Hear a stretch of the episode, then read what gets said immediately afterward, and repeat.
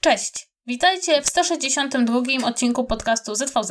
E, ja się nazywam Kasia Czajka-Kominiarczuk, po drugiej stronie siedzi Paweł Opydo i długo nas nie było. Nie było nas długo z różnych powodów, ale także dlatego, że ostatnio Paweł gra w grę, a nie jest Sylwester, więc to jest dziwne. I postanowiliśmy, że sposobem na to, żeby jakiegoś przerwać ten magazyn jest porozmawianie o grze, w którą gra Paweł i porozmawianie w ogóle o tworzeniu różnego rodzaju treści w internecie i o tworzeniu postaci i o tworzeniu światów i o tym, ile radości mogą dać różne gry. Innymi słowy, Tematem tego odcinka ZVZ będzie spalmy to i wszystko dookoła. Ładnie zajawiłam, Pawle? Tak, ba bardzo mi się to podoba. Tak, to jest prawda, że w ostatnim czasie bardzo dużą część dnia i generalnie życia zajmuje mi robienie, granie w RPG za pieniądze. I to w ogóle jest niesamowite, jak to wszystko w ogóle splotło się jakby w dziełem przypadku. Jakby w życiu bym się nie spodziewał na etapie zakładania tego e, tamtego kanału, czy nawet e, przed zakładaniem tamtego kanału, kiedy po raz pierwszy usiedliśmy do, tego, żeby nagrać jakąś sesję RPG i, i wrzucić ją do internetu. W życiu bym się nie spodziewał, że to się rozwinie w takim kierunku, że to się rozwinie w takim stopniu, że, e, że jakimś cudem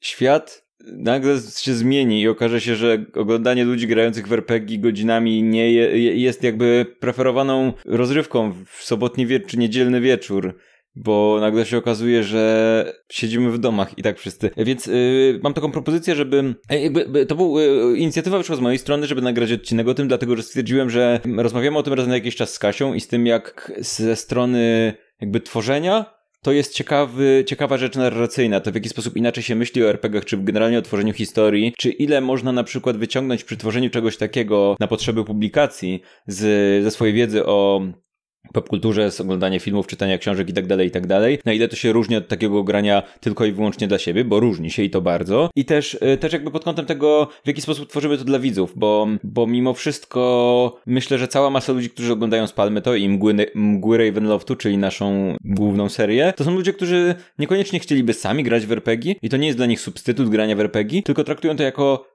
rodzaj serialu, rodzaj jakiegoś takiego obcowania z historią, z bohaterami, z postaciami, a niekoniecznie są zainteresowani grą jako grą i niekoniecznie sami chcieliby zagrać, nie? Bo wiem na przykład też, że to też będzie też odbicie w pewien sposób y, piłeczki, powiedzmy, dlatego, że wiem, że ty, Kasiu, nie jesteś zainteresowana RPGami jako czynną, powiedzmy, roz, roz, rozgrywką, rozrywką. Nie wiem, na ile masz, y, miałaś jakikolwiek, jakąkolwiek styczność z oglądaniem RPGów, no ale wiem, że to nie jest twój konik. Zresztą podobnie jak rozmawialiśmy o grach, nie? Że ja, ja z tego, co rozumiem, to generalnie czynny udział w tworzeniu, ty raczej jesteś biernym odbiorcą popkultury, czyli wolisz sobie obejrzeć film, przeczytać książkę, a niekoniecznie grać w grę wideo, gdzie jesteś elementem narracji, jak to się nazywa, że jest interaktywna, podobnie jak RPG, który też jest historią, ale jesteś elementem tej narracji, wkładasz w nią jakąś część swoją i jest ona interaktywna, nie? Tak, tak, zdecydowanie ja jestem jednym z tych odbiorców, który ja, ja wolę się zastanowić. Oczywiście to nie jest tak, że czytanie jest wyłącznie pasywne, no bo tam też jakby uruchamiamy swoją wyobraźnię i też e, zastanawiamy się, co autor robi, dlaczego, ale nie, zdecydowanie zgadzam się z Tobą, że ta interaktywność na część e, kultury popularnej, czy w ogóle kultury, bo to nie chodzi tylko o kulturę popularną, mnie mnie interesuje, co nie zmienia faktu, że na przykład kiedy słucham Waszych speciali, bo ja nie słucham tej głównej ścieżki, ale odcinki specjalne na przykład jeden słucham i bardzo mi się podobał, na drugi czekam. To już, już jest ten drugi, już był jakiś czas temu. 8 stóp pod ziemią. Już jest? 8 stóp pod ziemią było w lutym chyba, czy coś takiego, więc to już chwila. Ale ty pewnie słuchałaś Strażników Galaktyki naszych. Słuchałam Strażników Galaktyki, ale jak tylko skończymy rozmawiać, pójdę słuchać 8 stóp pod ziemią. Słuchaj, uważam, że, naszy, nasz, że Strażnicy Galaktyki to jest jedna z lepszych rzeczy, które zrobiliśmy, więc jeżeli ktoś kompletnie nie zna naszego kanału i nie ogląda, a zakładam, że pewnie opowiem kilka słów o tym, jak to wygląda i co się dzieje, bo za chwilę, bo pewnie duża część słuchaczy ZVZ nie wie o tym, to gdybyście mieli zetknąć się z czymś po raz pierwszy, to piszcie w Google Strażnicy Galaktyki Kosmiczny Skok. To jest nasz one-shot w świecie Strażników Galaktyki, czyli takie, taka zamknięta, zwarta historia, ona zajmuje chyba godzinę 40, to nam wyszło fenomenalnie, w sensie naprawdę to, jak, jak się obejrzy Strażników Galaktyki i się złapie te postaci i jak one ze sobą wchodzą w interakcję, to potem relatywnie łatwo z tym to przenieść na taką improwizowaną sesję i wow, tam niektóre sceny są absolutnie takie, że, że James Gunn nie, pow, nie powstydziłby się tych dialogów. O.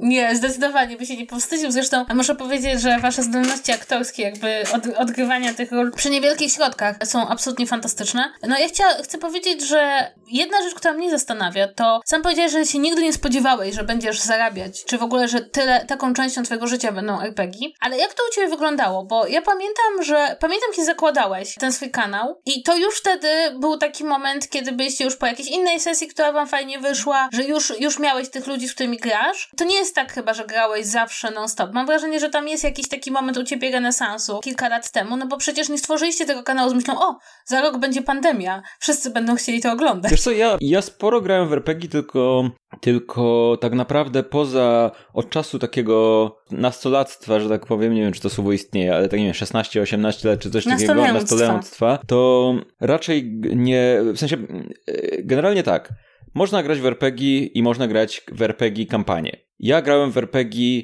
od, od tamtego czasu, a tamtych kampanii z, z, tego, z, te, z tych młodych swoich lat nie pamiętam kompletnie, Potem grałem jakby z doskoku pojedyncze historie. I takie pojedyncze historie mogą zajmować jedną sesję, e, sesję RPG, mogą zajmować kilka, ale generalnie można do, złapać gdzieś na konwentach, można jakichś znajomych, którzy, o, ktoś ma pomysł na scenariusz, przygotowuje go i on prowadzi dla reszty, potem inna jakaś osoba, albo w, w Poznaniu były, była taka świetna, nie wiem czy jest teraz, czy przeszła na jakiś online, czy coś takiego, ale była taka świetna inicjatywa, która nazywała się Dzikie Sesje. O, więc pozdrawiam, jeżeli ktoś był kiedykolwiek. I to wyglądało tak, że Mistrzowie gry byli wcześniej, wcześniej się zgłaszali do organizatorów, przygotowywali swoje sesje, no i było ogłoszenie o taka i, i, o taka i taka i taka i tam wiem, z pięć sesji, które się, do których się można było zapisać i po prostu była, jest knajpa w Poznaniu, do której się przychodziło i te pięć sesji przy pięciu stołach się rozgrywało z osobami, które się zapisały po prostu wcześniej, ale jakby poznawało się ludzi na miejscu, tak? Przychodzisz i mówisz, ja na sesję taką, bo zapisywało się wcześniej. Tych sesji było kilka, to były jednostrzały właśnie i w ten sposób można było poznać nowych ludzi, nowe, nowe systemy i tak dalej, i tak dalej, e, ale to znowu były jednorazowe historie, i jakby to była moja styczność stałe z RPGami. Jeżeli chodzi o styczność z nagrywaniem RPGów, no to e, jeszcze w Podsłuchane nagraliśmy rzeźnika z dzielnicy portowej, który był moim scenariuszem e, prowadzonym przeze mnie takim wiktoriańskim horrorem fantazy, powiedzmy, detektywistycznym. Tylko tam ja trochę, trochę nie chcę do tego wracać, szczerze mówiąc. Wiem, że na pewno są wśród naszych słuchaczy osoby, które to lubią, ale nie chcę do tego wracać trochę dlatego, że między innymi e, ja wtedy miałem zerowe pojęcie o tym, jak, w jaki sposób wygląda nagrywanie RPGów, w sensie, że zupełnie inaczej się do tego mimo wszystko podchodzi, niż grając normalnie przy stole tak dla siebie. I on, i, i ta sesja ani nie jest technicznie w dobrym, w dobrej jakości, bo niestety nagrywaliśmy to po prostu dyktafonem postawionym na stole, więc tam słychać wszystkie szurania ołówkami po kartkach, wszystkie szelest papieru, stukanie kostkami i tak dalej, i tak dalej. A po drugie jednak nagrywając RPG trzeba się skupić na tym, że nagrywa się to dla widzów, że opisy muszą być zgrabne, ładne, że to jednak jest trochę coś innego niż takie granie przy stole, trochę inny kontekst ma to na, na pewne rzeczy, może nie, nie można sobie pozwolić,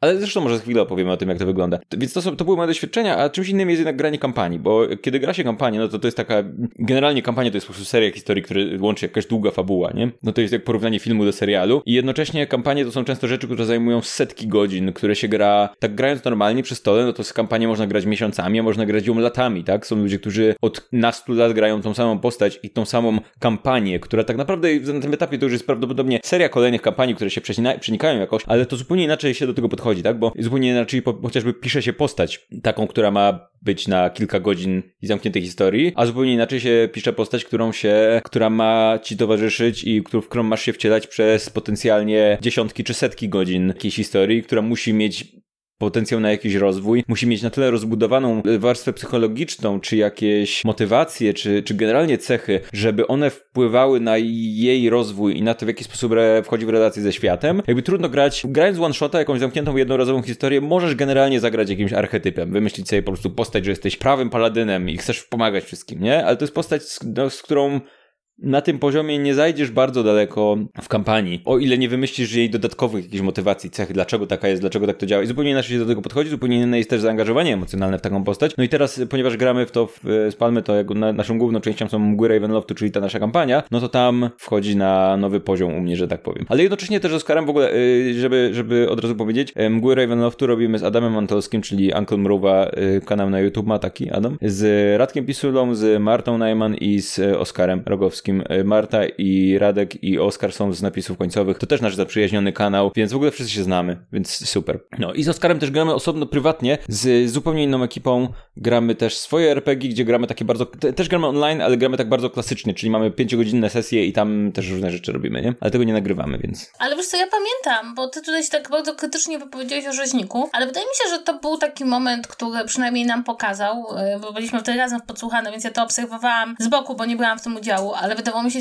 ciekawe, jak szybko słuchacze wchodzą w taki świat, bo nawet jeśli to nie była idealna sesja i idealna kampania, to było niesamowite, że pod tymi odcinkami jednak te reakcje były bardzo, bardzo zaangażowane. I też widzę to na waszej grupie, bo jestem na grupie z Palmetto, jak jak powstają memy, obrazki i jak ta relacja słuchaczy z taką, e, z tą grą się niesłychanie szybko zawiązuje, jest niesłychanie mocna. Ja się zastanawiam, czy to dlatego, że te postacie są bardziej żywe, bo jednak wy je modyfikujecie w zależności od tego, co się w danym momencie dzieje, czy, czy dlatego, że być może ta narracja dostarcza czegoś takiego, czego nie dostarczyłby na przykład, nie wiem, film czy serial, mimo że można ją konsumować bardzo podobnie, ale jednak mimo wszystko wydaje mi się przynajmniej, że tutaj tych możliwości jest więcej niż w takiej tradycyjnej produkcji. Ale powiem szczerze, tym, co mnie naj, właśnie najbardziej intryguje w tym waszej działalności i też w działalności innych kanałów tego typu, bo mam takie, rozmawialiśmy o tym, że, że takim e, kanałem, który był w dużym stopniu przełomowy dla obecności RPGów w sieci był Critical Role, to jednak to takie niesamowicie szybkie, niesamowicie mocne przywiązanie do tego świata, do tych postaci, czy do graczy, no bo też zdarza się, że prawda, zmienia się kampania, zmieniają się bohaterowie, ale gracze pozostają ci sami. Ja w ogóle jestem teraz kompetentny, dlatego że od niedawna oglądam Critical Role.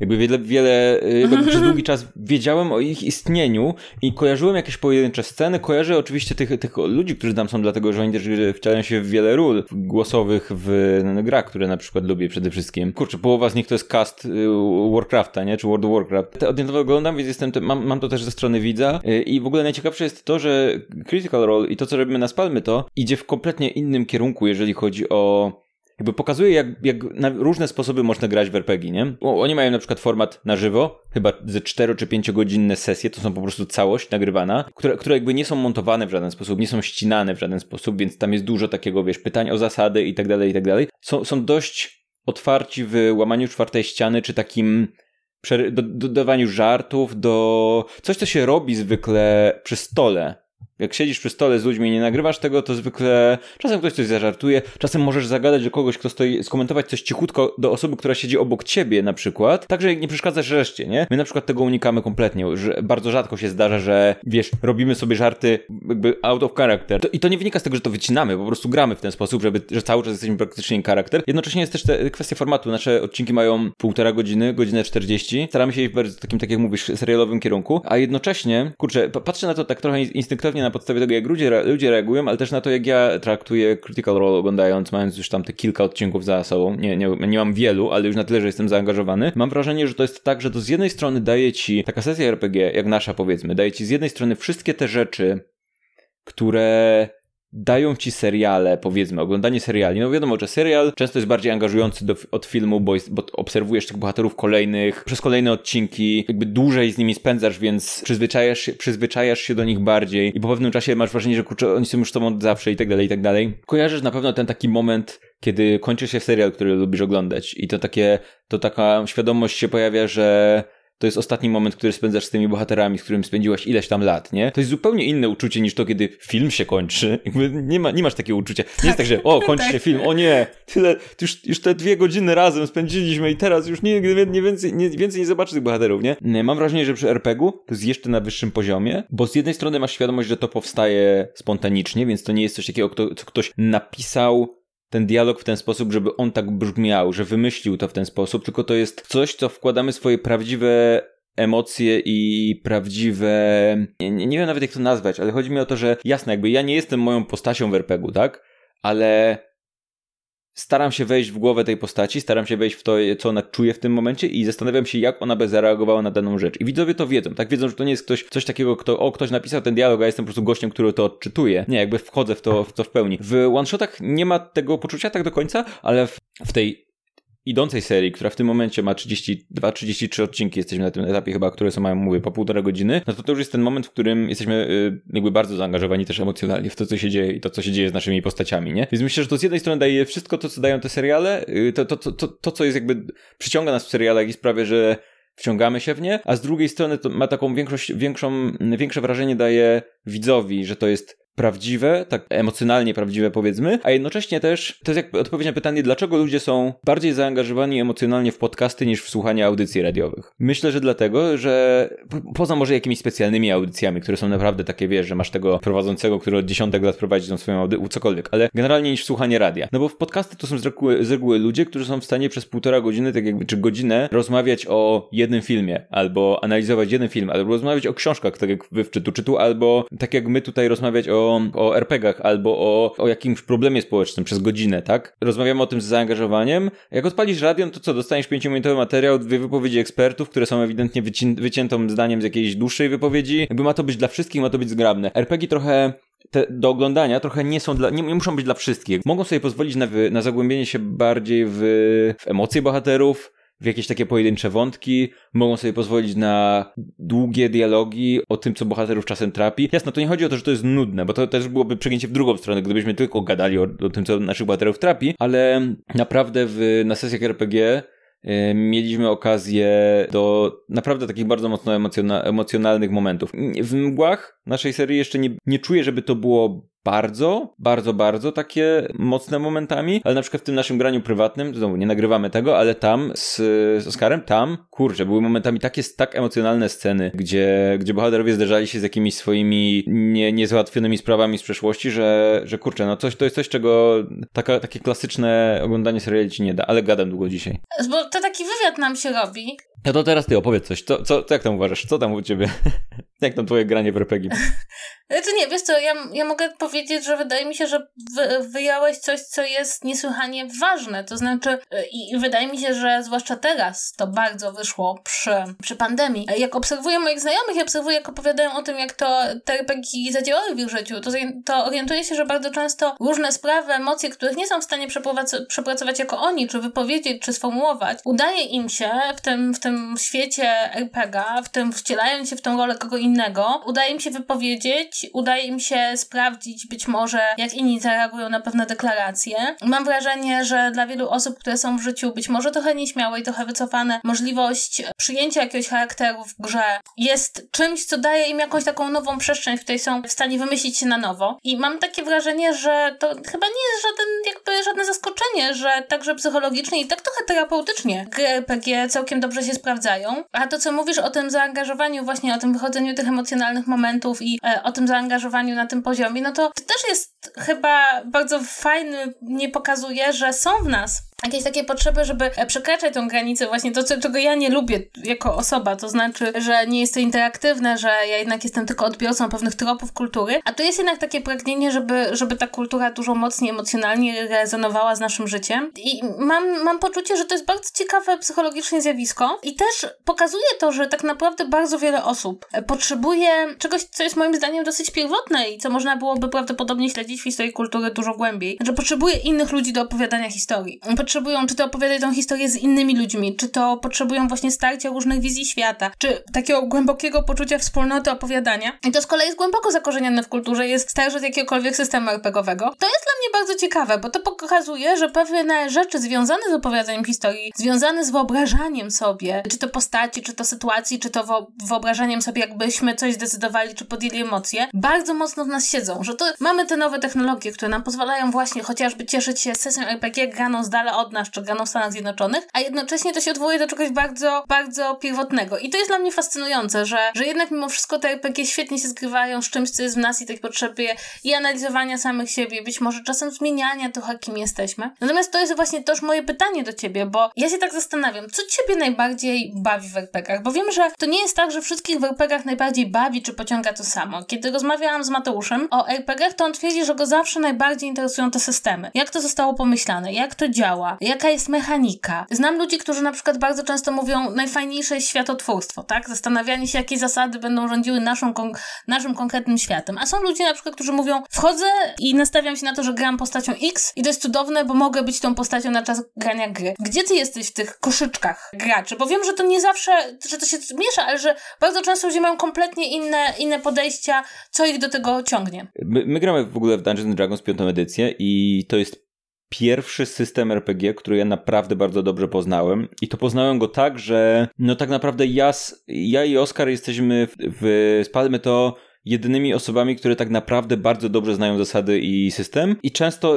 to jest do takiego poziomu, że często wchodzi nam takie theory crafting totalny po prostu, nie w trakcie sesji, ale czasem mamy takie, bo, bo jakby wiele z tych zadań, z, wiele z tych zasad jest albo uznaniowych, albo, albo musisz się naprawdę, jakby nie daje ci jasną na tekście odpowiedź, co, co, się dzieje. Bawi mnie to, bo dużo gramy, ale nie mam ochoty poznawać nowych systemów na przykład. Nigdy, wiem, że mam znajomych w ogóle, wiem, że są takie osoby, które lubią sięgać po nowe systemy RPG tylko po to, żeby zobaczyć, jak się gra w ten nowy system. Jakby co on ci daje, jakie ma przewagi, czy jest bardziej dynamiczny, mniej dynamiczny, na co stawia i tak dalej, i tak dalej. Ja nie potrzebuję innych systemów niż piąta edycja Dungeons Dragons, bo ją już znam, nie chcę mi się uczyć nowej, już i tak poświęciłem czas na nauczenie się tego systemu, już nie chcę innych, nie? Mnie najbardziej interesuje ten proces wspólnego tworzenia historii. I to zarówno pod kątem tego, że ja tworzę jakąś historię mojej postaci i wchodzę w, jakby umieszczam tę historię, osadzam ją w narracji wspólnej, jak i to, że wspólnie tworzymy jakieś e, historie. Mówiłaś o tym, tym takim, nie wiem, radzeniu sobie z jakimiś rzeczami albo z, albo mówieniu o rzeczach, o których normalnie nie jesteśmy w stanie, czy, czy jest nam trudno, w, jeżeli mówimy o sobie. Ja mm, zauważyłem, że często ludzie, którzy grają po raz pierwszy w RPG, to ich postać jest, zresztą to jest, są, są takie różne memy, memy na ten ten temat, że jak tworzysz swoją pierwszą postać w, RPG-u, to generalnie tworzysz jakieś takie zwykle swoje power fantasy. Ja mam takie wrażenie, że to jest zwykle postać, która jest w miarę blisko charakterologicznie do ciebie, także, bo to jest, bo to, i to jest zupełnie naturalne, także jakby mm, wyobrażasz sobie siebie w tym świecie, postać, która postępowałaby podobnie jak ty, miałaby podobną moralność jak ty, więc generalnie łatwo ci jest wtedy podjąć decyzję, co dana postać by zrobiła w tej sytuacji, no bo zrobiłaby to, co ty, nie? Jakby z grubsza. Oczywiście możesz być czarodziejką, wojowniczką, czy tam bartką, czy kimś takim oczywiście, ale często się zaczyna od czegoś takiego, nie? Potem zaczyna się wchodzić w coraz bardziej szalone rzeczy. Ja na przykład lubię, stare, lubię tworzyć postaci, które są może nie dalekie ode mnie charakterologiczne, ale są w jakiś sposób dla mnie wyzwaniem, żeby się zastanowić, co taka postać by robiła, w jaki sposób by się zachowywała, w jaki sposób by podeszła do rzeczywistości. I to jest też dla mnie ciekawe i też mam wrażenie, że to pozwala mi trochę, nie wiem, nauczyć się jakiejś, jakiegoś rodzaju empatii albo zrozumieć pewne zachowania, siedząc po prostu w głowie postaci, która się w jakiś sposób zachowuje, nie? Więc to jest też rzecz, którą lubię. Ale zdecydowanie ta część narracyjno-tworzeniowo-historyczna jest dla mnie tą taką, która jest fajna, nie? A powiedz mi, a ty, ty oglądałeś na przykład Critical Role albo cokolwiek z tych rzeczy, które są popularne w internecie? Ongoing? Ja widziałam jeden odcinek Critical Role, bo byłam ciekawa, co to jest, ale miałam takie straszne poczucie poczucie nieprzystawalności, chociaż to było zabawne nawet, ale, ale się nie wciągnęłam. No ja nie, ja jakby nie, nie szukam, nie ukrywam, że jak, jak mam tyle czasu, ile trwają część z tych, z tych materiałów, to myślę, że nie, to sobie obejrzę film albo serial. Natomiast muszę powiedzieć, że i to, to, to chciałabym, żebyśmy porozmawiali, bo to mnie fascynuje po prostu, jak te kanały urosły, tak? To jest dla mnie w ogóle dosyć ciekawe, bo oczywiście w Polsce zawsze ludzie grali w RPG i sama miałam, wiesz, jeżdżąc na, jeżdżąc na różnego rodzaju konwenty, miałam styczność z tym, że że ludzie tam jadą, jest w ogóle rozbudowana scena i larpowa, i RPGowa, że, że ci ludzie są w społeczeństwie. Natomiast jakby kiedyś zaczęły się pojawiać te kanały, e, chyba najpierw takim dużym kanałem, który ludzie kojarzyli była Bania Baniaka. Baniak Baniaka. Pozdrawiamy, jeżeli ktoś ogląda, albo może Baniak nas słucha, to pozdrawiamy. Ja w ogóle jestem mu bardzo wdzięczny, nie, jestem mu bardzo wdzięczny, dlatego że generalnie środowisko takich true RPGowców, true prawdziwych RPGowców z dziada pradziada y, jest oczywiście mega toksyczne, jak każde true środowisko i bardzo gatekeepingowe i wszyscy ludzie skupiają się na nim, więc przecież wszyscy, wszyscy, bo jest całe grono RPGowców, są, jest, są całe, jest całe grono RPGowców, którzy uważają, że w ogóle granie w RPG, nagrywanie tego, no to jest nie, to, to w ogóle jest, to jakieś, to nie jest prawdziwe RPG, więc oni się wtedy najbardziej nie nienawidzą jego a wszystkich innych uważają za, że my kopiujemy od niego. Na przykład w życiu nie widziałem odcinka żadnego, ale, ale i tak kopiuję od, od pana Baniaka. Pozdrawiam bardzo serdecznie. To, nie, to nie, było, nie było nic negatywnego, że nie widziałem żadnego odcinka, po prostu nie widziałem. Tak się zdarzyło. Ale no, to, więc to zabawne, że wszyscy jest to całe, całe grono, które nienawidzi ludzi nagrywających RPG. Ale ogólnie to mnie zaskoczyło, no bo jest, jest on, jesteście wy i są sesje na podsłuchu, które też mają swoich fanów i, i też cały czas nagrywają. I to nawet nie są wszyscy jakby, którzy w tym momencie są gdzieś w tym, w tym towarzystwie. I to jest dla mnie interesujące, bo ja, ja pamiętam, że jeszcze kilka lat temu to było bardzo takie właśnie to, co mówisz, to środowisko tu RPGowców, ludzi, którzy praktycznie wszyscy się znali. Tam, jak RPG wychodziły do, do publiczności, to było zwykle jeden artykuł w w jakiejś gazecie o gwałtach w RPGach i ogólnie wszyscy nagle się okazywało, że w nie grali, ale wcześniej to, to tego nie było, a potem nagle zrobił się jakiś taki boom i na przykład dla mnie wasz sukces na Patronite. To było rzecz bardzo ciekawa, bo jednak no oczywiście każdy z was miało coś nosiło, prawda, ze swoich fanów czy ludzi, którzy ich znali, ale jednak mimo wszystko to, że udało wam się zbudować taką spójną, trwałą społeczność wokół, wokół tego projektu, już w momencie, w którym on się zaczął rozwijać dopiero, no to to dla mnie był taki dowód na to, że tych ludzi, którzy tego potrzebują jest naprawdę bardzo dużo i że jakby wszeliwujecie się w jakąś potrzebę, i to było dla mnie zaskoczenie. Pomyślałam, że tych ludzi było mniej. Pamiętam, jak rozmawialiśmy na samym początku, kiedy rozmawiałeś o tych kwotach, które można zebrać. Jakby jak myślisz, jaki jest pułap. I pamiętam, że podałeś pewną kwotę, ja sobie pomyślałam, kurde, tak w głowie miałam takie, kurde, Paweł się zawiedzie, e, wydaje mu się, nie zna się. Nie, jakby przepraszam cię teraz, e, bo to była tylko myśl moja, nie powiedziałam ci tego. Po czym po czym okazało się, że, że tam ta kwota była niedoszacowana względem tego, co się wydarzyło. I, i to, to, to było dla mnie dowód na to, że, ja, że coś się wydarzyło, czego ja nie dostrzegłam, a co jakoś bardzo mocno z ludźmi rezonuje. Wiesz co, wydaje mi się, że to tak. Ja, ja bym to odbierał w ten sposób, że to jest taka trzecia fala e, w popularności RPGów. Pierwsza to była to tak, kiedy one powstały, tam lata, nie wiem, 70., 80., kiedy jeszcze nikt tego nie traktował poważnie, kiedy Tom, był filmy z e, Tomem Hanksem, który wariuje od grania w RPG. Dawno słyszałaś o tym filmie, nie wiem czy widziałaś fragmenty. Widziałam fragmenty i w ogóle jakby byłam doedukowana względem tej nagonki na RPG, jaka się wtedy, wtedy odbyła i jak one były szatańskie i straszne. Najlepsze jest to, że to nie, to nie jest jedyny z takich film i to nawet nie jest ten taki najbardziej absurdalny. Było wtedy sporo filmów, książek, artykułów, nawet takich książek fabularnych, tak? Które przedstawiały granie w RPG jako coś, coś, wiesz, narzędzie szatana generalnie, nie? Więc to był jakby ten taki pierwszy okres popularności RPG, boom, który się, który się pojawił, jeszcze nikt nie wiedział do końca o co chodzi. Potem był ten taki okres, powiedziałbym, że końcówka lat 90., chyba 2000 rok to było Baldur's Gate 2, tak mi się wydaje, że wyszło w 2000 roku. Mam wrażenie, że gry wideo sprawiły, że pojawiła się takie, wiesz, naturalnie masz grę wideo, Baldur's Gate niesamowicie popularną i to jest system RPG D&D, możesz zagrać w tę grę przy stole z ludźmi, więc ej, może spróbujesz co to jest. Pamiętam, że nawet w magazynach komputerowych pojawiły się, pojawiały się informacje, kąciki RPGowe i tak dalej, i tak dalej. I mam wrażenie, że tutaj to był taki moment dojrzenia tej tej rozgrywki, że to już nie była ta nowa rzecz, w którą dzieciaki grają, nikt nie rozumie, tylko to już było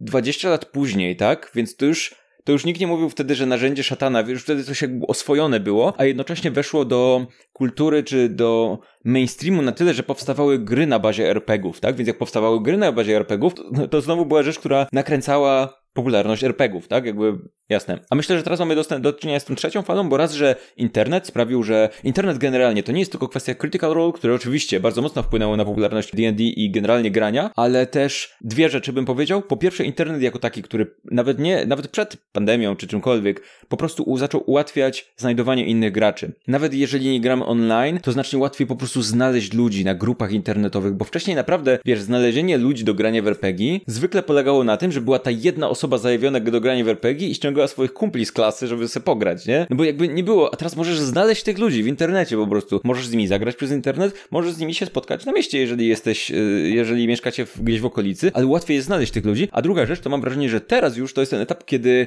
pojawiła się nostalgia do tamtych poprzednich dwóch razy, tak? Tak. Zdecydowanie, tak. Z jednej strony masz 80sy, grań w RPG, jest generalnie cała nostalgia na 80sy, a z którą RPG są, mam wrażenie, że te RPG i D&D są, bo oczywiście ten świat 80sowy, do którego teraz mamy nostalgię, to nie jest, to nie prawdziwe 80sy, to jest świat 80sowy, taki, wiesz, gdzie jest dużo więcej neonów, dużo mniej innych rzeczy, ale generalnie jest taki, wiesz, przetworzony i elementem tego są bardzo mocno RPG. Yy, jak się nazywa ten serial, gdzie... Stranger Things. Stranger Things.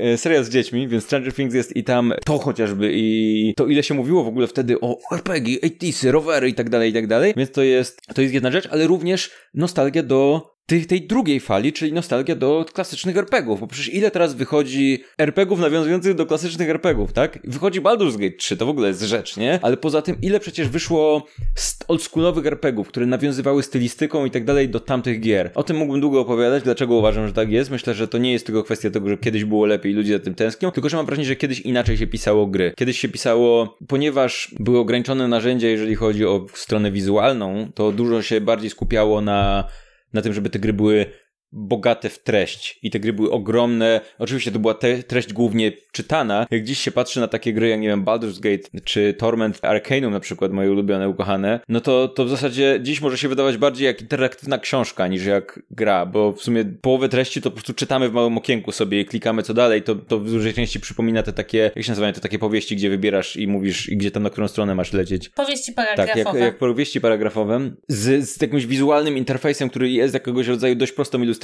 do tego, co się dzieje. No a dziś, dzisiejsze RPG to są oczywiście full gry, że tak powiem, y, pełne efektownych rzeczy. I ta część, mam wrażenie, że narracyjno-dialogowa jest dość ograniczona, bo jednak znacznie mniej na przykład swobody możesz dać graczowi, jeżeli każda wybrana przez niego ścieżka, każda wybrana linia dialogowa wymaga od ciebie animacji, nagrania głosów bohaterów i tak dalej, i tak dalej. Więc mam wrażenie, że dzisiejszych mainstreamowych RPGów, te najbardziej rozbudowane, są nadal mniej rozbudowane, jeżeli chodzi o możliwości od tych oldschoolowych, nie? Więc nie dziwi mnie to, że wrócił też nostalgię do tamtych oldschoolowych gier, w które można było się zagłębić i naprawdę, w których można było odkrywać i odkrywać i odkrywać kolejne sposoby rozwiązania jakichś problemów, kolejne furtki gdzieś tam zostawione przez ludzi. I do tego znowu, też jest nostalgia, więc teraz mamy w ogóle podwójną nostalgię połączoną z nowymi możliwościami, tak? RPG, granie w RPG okazało się być bardzo ponadczasowe, w sensie, ponieważ to jest, wiesz, granie w RPG jest jak książki.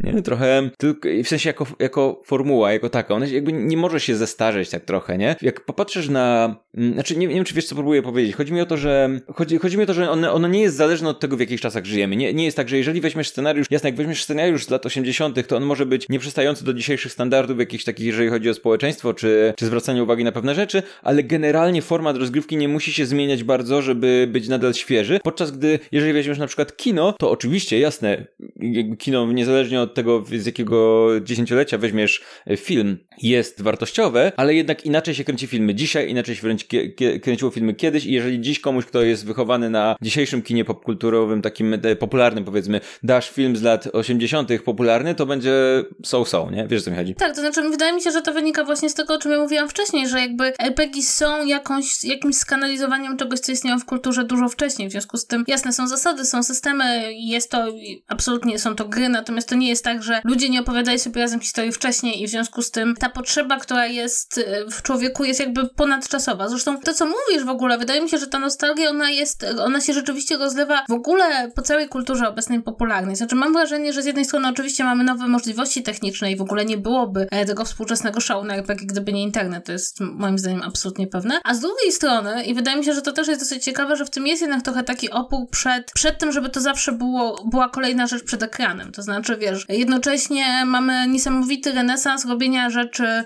ręcznie, mamy renesans grania w gry planszowe, całej tej rozrywki, która w jakiś sposób jest od tego zdystansowana i ja mam z kolei wrażenie, że to jest, że się tak wyrażę, jak, jakieś coś, co się dzieje być może głównie wśród milenialsów, to znaczy takiej świadomości, że, że oni jeszcze pamiętają ten świat, zanim się tak wszystko scyfryzowało i wszystko stało się związane z ekranem i, i jednak chcą jeszcze pamiętać, czy, czy mają sentyment do rzeczy robionych na żywo, czym zresztą zarażają też e, e, kolejne, kolejne pokolenia, więc wydaje mi się, że to też się nakłada. Słuchaj, my na przykład gramy w RPG teraz. Ja, ja, ja bardzo tęsknię za graniem przy stole, jakby takim przedpandemicznym, ale my teraz gramy w RPG całkowicie jakby cyfrowo, w sensie, wiesz, łączymy się przez Zooma, ale też mamy przede wszystkim system, e, który nam automatyzuje rzuty, nie rzuty, pokazuje planszę, na której sobie klikamy, jakby mamy praktycznie grę wideo przed sobą, w sensie zamiast mamy po prostu wpisaną umiejętność postaci X, wybieramy sobie cel, klikamy umiejętność, kostka się rzuca, ile się da, tyle automatyzujemy. I nagle się okazuje, że ponieważ tym core RPG jest opowiadanie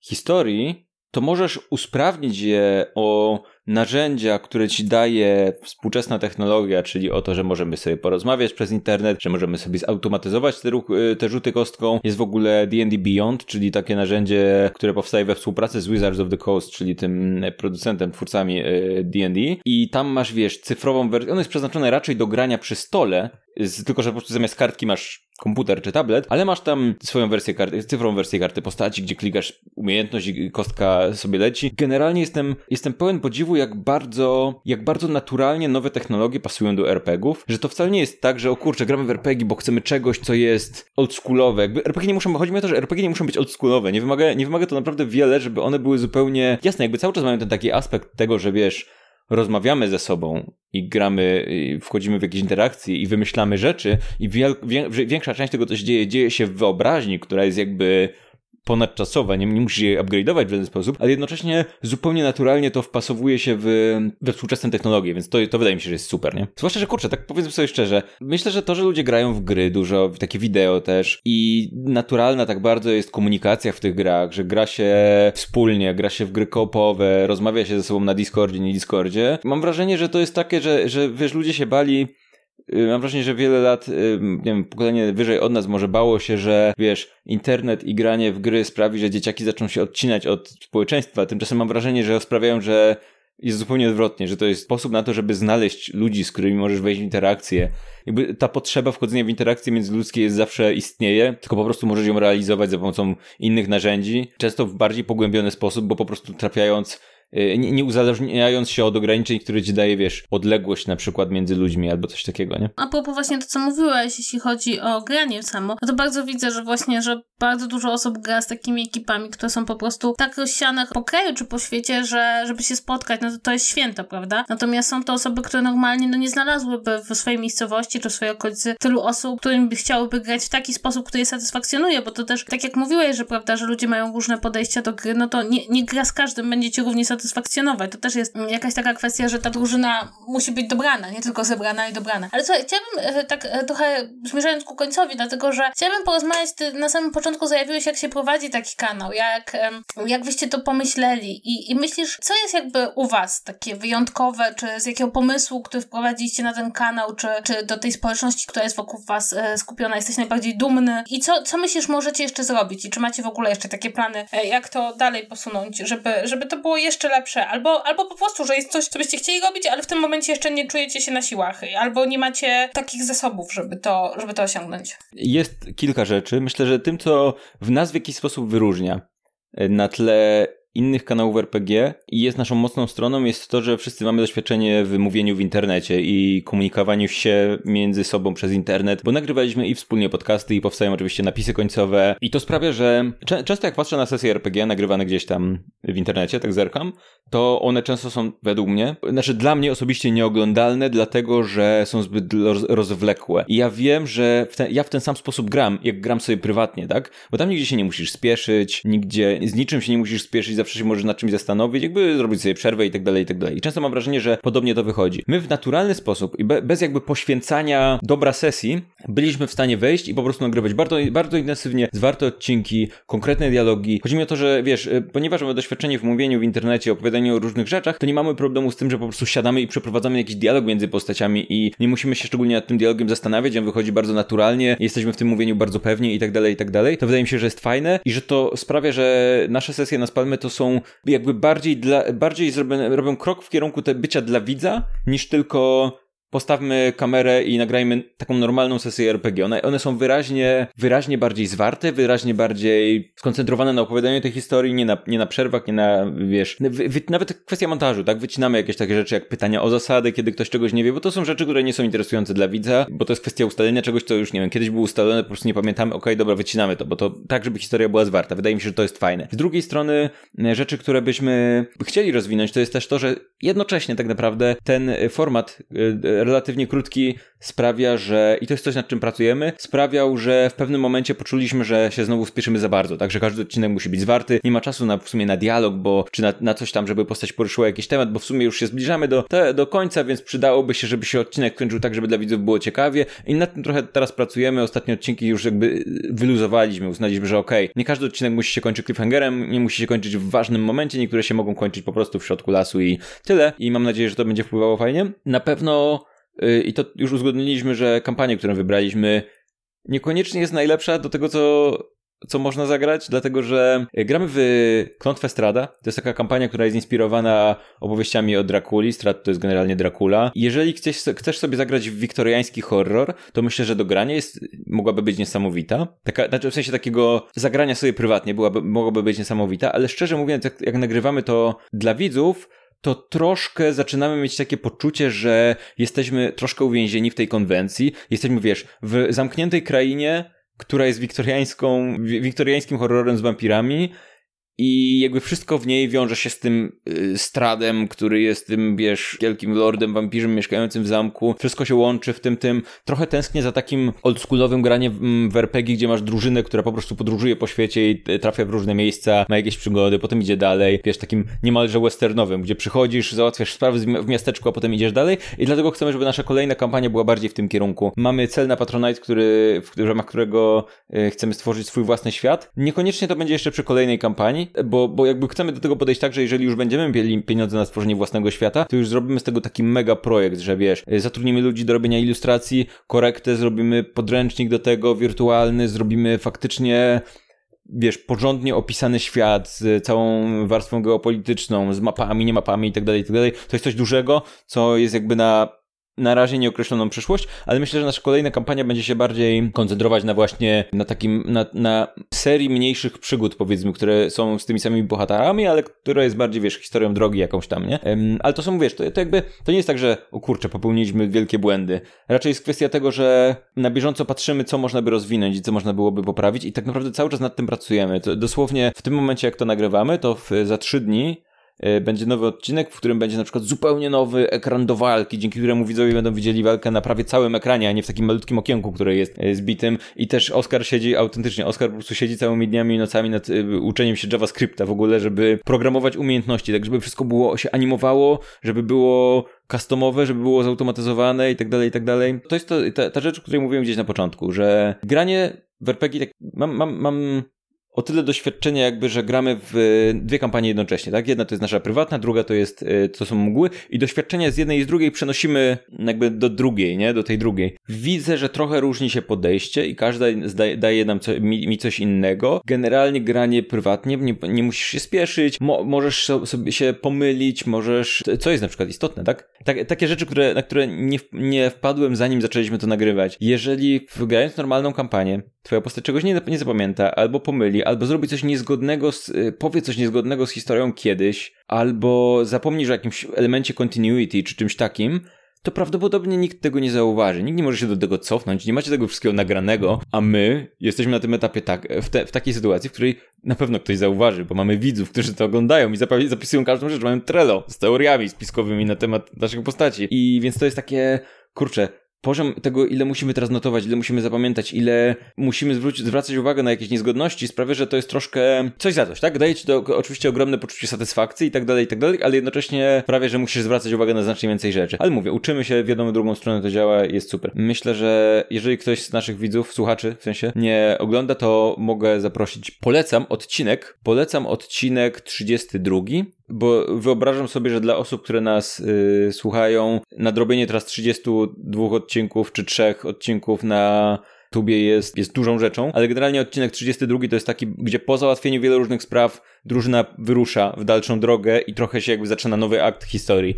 Zresztą tak naprawdę, kurczę, myślę, że opisujemy to na tyle zwarcie i na tyle zgrabnie, że niezależnie w którym momencie zaczniecie oglądać, to załapiecie szybko, kto kim jest, o co chodzi, jak, jak taka historia przebywa, prze, przepływa i jak, jak, się składa. Dobra, to ostatnie jakie mam pytanie do ciebie, to no. powiedz mi, co cię najbardziej zaskoczyło? Jakie, no bo miałeś już doświadczenie w graniu, e, miałeś jakby doświadczenie trochę, niewielkie jednak mimo wszystko w graniu i posiadaniu widowni, ale mam wrażenie, wrażenie, że to, co się dzieje wokół Spalmy, to i też e, to, jak reagują mm, sami wasi słuchacze, no trochę jednak chyba było dla ciebie zaskoczenie. Mam takie wrażenie z naszych niektórych rozmów, że i też różnych rzeczy, które mówiłeś tu nawet w podcaście. Więc powiedz mi, co cię tak najbardziej zaskoczyło? Czy, czy to, że słuchacze się tak szybko, tak mocno zgrali z bohaterami i mają na przykład te teorie spiskowe, co dla mnie jest po prostu absolutnie cudowne i jest, jest dowodem jakiegoś takiego bardzo głębokiego zaangażowania, e, a może coś zupełnie innego? Powiedziałbym, że e, nawet nie samo zaangażowanie widzów, tylko zaangażowanie widzów na poziomie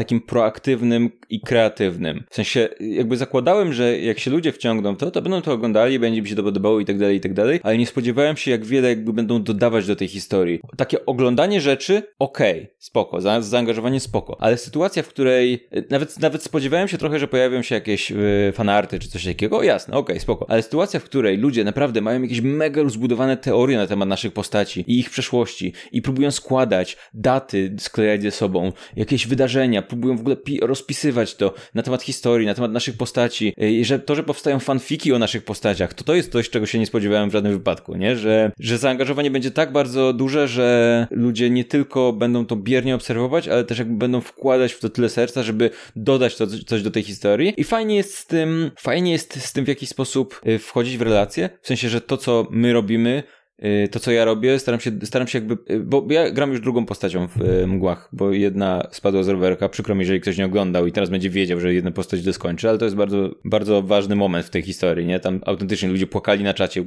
Teraz pamiętam, jak bardzo to było szokujące dla wielu osób, bo, bo do tego odcinka, w którym prowadzony przez mnie bohater zginął, w bohaterski sposób zresztą, więc jakby ostatecznie dobrze, ale i ratując sierocidziec w ogóle, nie? Ale, ale kurczę, to było, to tak zgrabnie wyszła.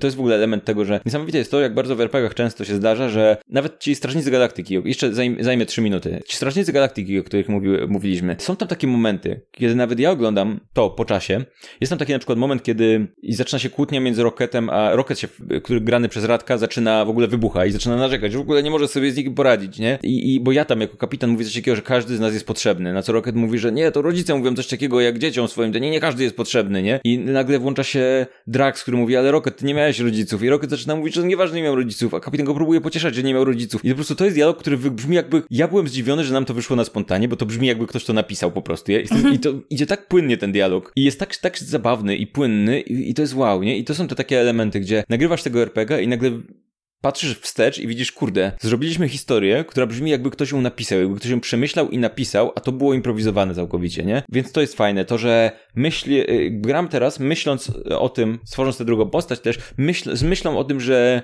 Chcę ją tworzyć tak, żeby dla widzów to było zabawne, żeby oni mogli też odkrywać w jakiś sposób kolejne elementy tej historii z nami i oni to robią, oni tam nam dodają dużo jakby ze swojej, to, i to, to jest super, to jest jakby relacja z widzami, która jest bardzo dwustronna i bardzo z ich strony kreatywna, to było super. Jest super nawet dalej. Słuchaj, no myślę, że myślę, że tak to zareklamowałeś, tak o tym opowiedziałeś, że bardzo dużo osób chociaż będzie chciało spróbować, bo wydaje mi się, że z RPGami to jest tak, że rzeczywiście przez to, że przynajmniej w naszym pokoleniu istniało dużo jakichś założeń i tekstów i w ogóle obrazów tego, kim jest człowiek, którego interesują RPG, że część osób nie, nie zwraca na to uwagi, bo trochę ma takie poczucie z góry, że to nie jest dla nich, więc wydaje mi się, że może trochę ich zachęciliśmy. Na pewno to zrobicie dobrze, jeśli rzucicie chociaż okiem, czy to na one-shota, spalmy to, czy to właśnie na odcinek 32. Nie powinno was dziwić zaczynanie seriali od, po, od połowy. Wiesz co, y, tak jak mówię, były, mieliśmy dwa one-shoty, czyli był ten, byli Strażnicy Galaktyki było 8 stóp pod ziemią. Przy tym 8 stóp pod ziemią to jest one-shot, w którym nie ma Radka i nie ma Adama, bo jest dwójka gości. Przez to mam wrażenie, że on może nie być nie być jakby dobrym, dobrą reprezentacją tego, jak wyglądają zwykle nasze historie, bo to jednak to jest, skład jest, jakby połowa składu jest inna, nie? Więc jeżeli chcecie naprawdę się dowiedzieć, jak nasz kanał wygląda, to ja autentycznie bardzo polecam Strażników Galaktyki, bo w najgorszym wypadku po prostu obejrzycie sobie godzinę 40, pośmiejecie się i uznacie, że nie chcecie się bardziej angażować, ale naprawdę uważam, że to jest naj, chyba najlepsza rzecz, jaką nagraliśmy ever, jeżeli chodzi o sesję, nie? I to jest bardzo zwarta, zabawna historia, jeżeli lubicie Strażników Galaktyki, zwłaszcza, no to polecam. Spalmy to.pl slash GOTG. Tak, i ja też jak, polecam, jak słuchałam... do Galaxy. E, ja wiem, że słuchałam tego w sposób niewłaściwy, bo ja tego słuchałam w formie podcastu, ale to mi się podobało, bo ja sobie wszystko wyobraziłam. ta konkretnie historia, bo wie, wiesz to nasze, te nasze, te na, nasza ongoing sesja, te Mgły Ravenloftu są jakby, mam wrażenie, że trochę więcej się traci, bo nie masz na przykład ilustracji, które tam są, nie masz naszej gry, gdzie jednak już staramy się jak najbardziej grać twarzą i tak dalej. Mam wrażenie, że ta sesja Strażnicy Galaktyki to jest akurat taka, którą można spokojnie posłuchać, bo tam też jakby ja się mocno skupiłem, ponieważ to Strażnicy Galaktyki, to skupiłem się mocno na tym, żeby przy montażu dodać muzykę jakąś rockową i tak dalej, i tak dalej, więc tam jest cała... i wydaje mi się, że spoko, że jeżeli ktoś ma ochotę, zapraszam też do wersji podcastowej, też jest dostępna i jest super. No właśnie, czyli w sumie powiedzieliśmy już wszystko, mam nadzieję, że jesteście zachęceni. Mam też poczucie, że jak zobaczycie, jak wygląda i spalmy to od strony technicznej i też zobaczycie, jak wygląda ich Patronite, który jest rzeczywiście e, moim zdaniem modelowym przykładem, jak należy korzystać z tej platformy. E, to zrozumiecie, czemu, czemu Pawła to tak konsumuje i dlaczego nasz podcast zamienił się w podcast nieregularny. Na Patronite jest na tym etapie chyba kilkaset stron w ogóle notatek naszych postaci i, i jakieś w ogóle dziesiątki godzin. Przyszedł Grubcie do mnie i płacze. Co się dzieje, Grubciu? To się dzieje? Jakieś dziesiątki godzin bonusowych materiałów, które nagrywamy co tydzień dla, dla osób, które nas wspierają, więc y, też zapraszam bardzo mocno. Tak, więc wydaje mi się, że to powinno po prostu wam rzucić światło na to, co się dzieje u Pawła i dlaczego to jest takie fajne i konsumujące, a tak wydaje mi się, że w ogóle e, nasi słuchacze, skoro już lubią słuchać nas i w ogóle już się chyba trochę do nas przyzwyczaili, to też chętnie pójdą za tobą do nowego świata. No i słuchajcie, jeśli jesteście sami graczami, albo jeśli jesteście na przykład takimi e, nie graczami, ale właśnie odbiorcami, to powiedzcie nam, co oglądacie, e, jakie są kanały, które są dla was ciekawe, czy może w co gracie i co uważacie, nie wiem, jaki system uważacie jest najfajniejszy, albo jakie macie najfajniejsze przeżycie związane z graniem w RPG, bo też byłoby fajnie was od tej strony poznać. I wydaje mi się, że to wszystko w tym tygodniu. Pawle, czy ty masz coś jeszcze do dodania? Słuchaj, ja mogę RPG w, w kółko, jak słychać, ale Sko skończmy, wolę grać, skończmy, więc... Skończmy, dobrze.